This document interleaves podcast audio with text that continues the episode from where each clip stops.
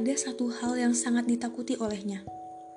Dibandingkan dengan kelaparan dan tidak memiliki uang, dibandingkan tidak mencapai seluruh asa, dibandingkan ditinggalkan oleh siapa pun.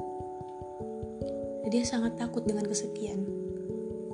Aku mengenalnya belum terlalu lama, tapi aku sangat tahu bahwa gelap adalah hal yang dapat membuatnya tenang sekaligus takut. Sering meminta agar ketika lelap datang, diberi mimpi bertemu dengan yang sangat dirindukannya. Aku belum pernah bertemu seseorang yang sangat takut sepi seperti dia.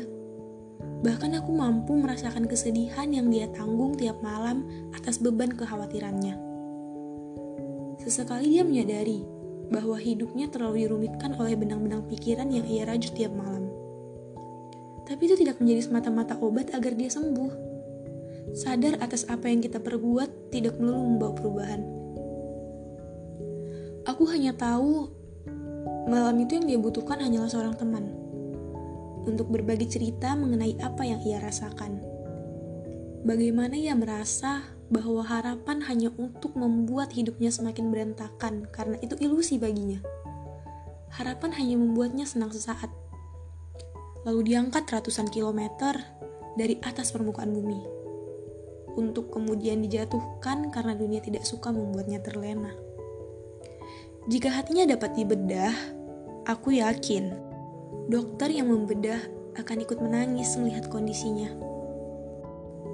Terkadang aku bertanya, mengapa begitu sulit bagi manusia untuk mengenali dirinya sendiri, untuk mengetahui apa yang sebenarnya ia inginkan, untuk menata kehidupan sedemikian rupa untuk hari esok, merangkul kesedihan tidak hanya kebahagiaan. Mengapa begitu sulit untuk bertahan atas segala perasaan yang dari dulu diajarkan untuk dihindari? Aku sering tidak habis pikir jika melihat betapa rumit dan kompleksnya perasaan. Beberapa kali kita harus mencoba mengerti yang seharusnya tidak perlu dimengerti. Kita mencoba mencari jawaban atas pertanyaan-pertanyaan yang nantinya juga akan terjawab sendiri. Mengapa sering kali kita mempertanyakan hal yang kita sudah tahu jawabannya? Ia kembali menangis karena mengingat kekasihnya yang telah meninggalkannya tanpa sedikit pun aba-aba. Sambil memandang foto kenangan mereka, mungkin tidak bisa disebut demikian, karena sebenarnya mereka jarang sekali berfoto. Ia kembali menyesal tidak menghabiskan begitu banyak waktu dengannya.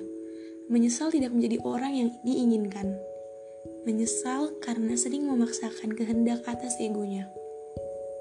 Menyesal tidak membiarkan orang lain yang merawat kekasihnya. Menyesal atas setiap hal yang mulai ia kaitkan dengan alasan kepergian orang yang sangat dicintainya.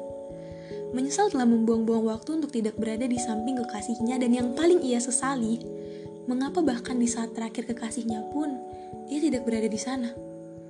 Mengapa yang ia lakukan saat ini adalah menunggu ambulans datang membawa kekasihnya yang telah tiada. Saat itu aku merasa seperti bayangan, melihat punggungnya yang rapuh karena pedih kehilangan. Bahkan aku tak mampu menyentuhnya, sekedar untuk bilang bahwa semuanya akan baik-baik saja. Hmm.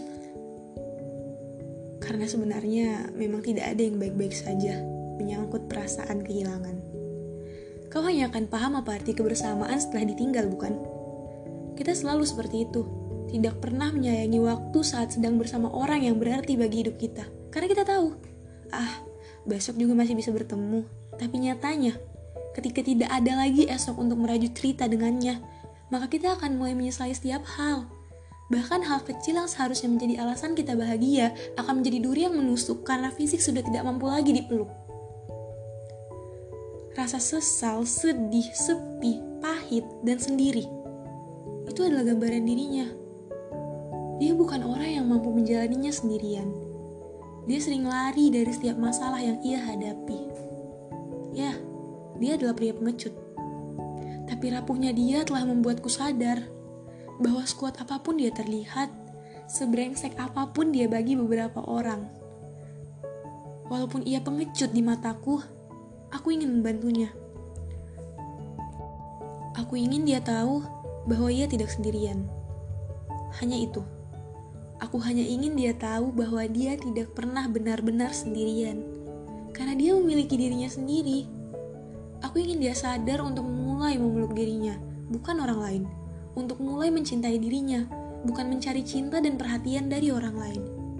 Setelah dia mampu melakukan itu, maka peran dari orang lain akan menjadi pelengkap kebahagiaannya. Aku harap kau mendengar ini. Walaupun tidak, aku doakan kau tetap bisa bertahan.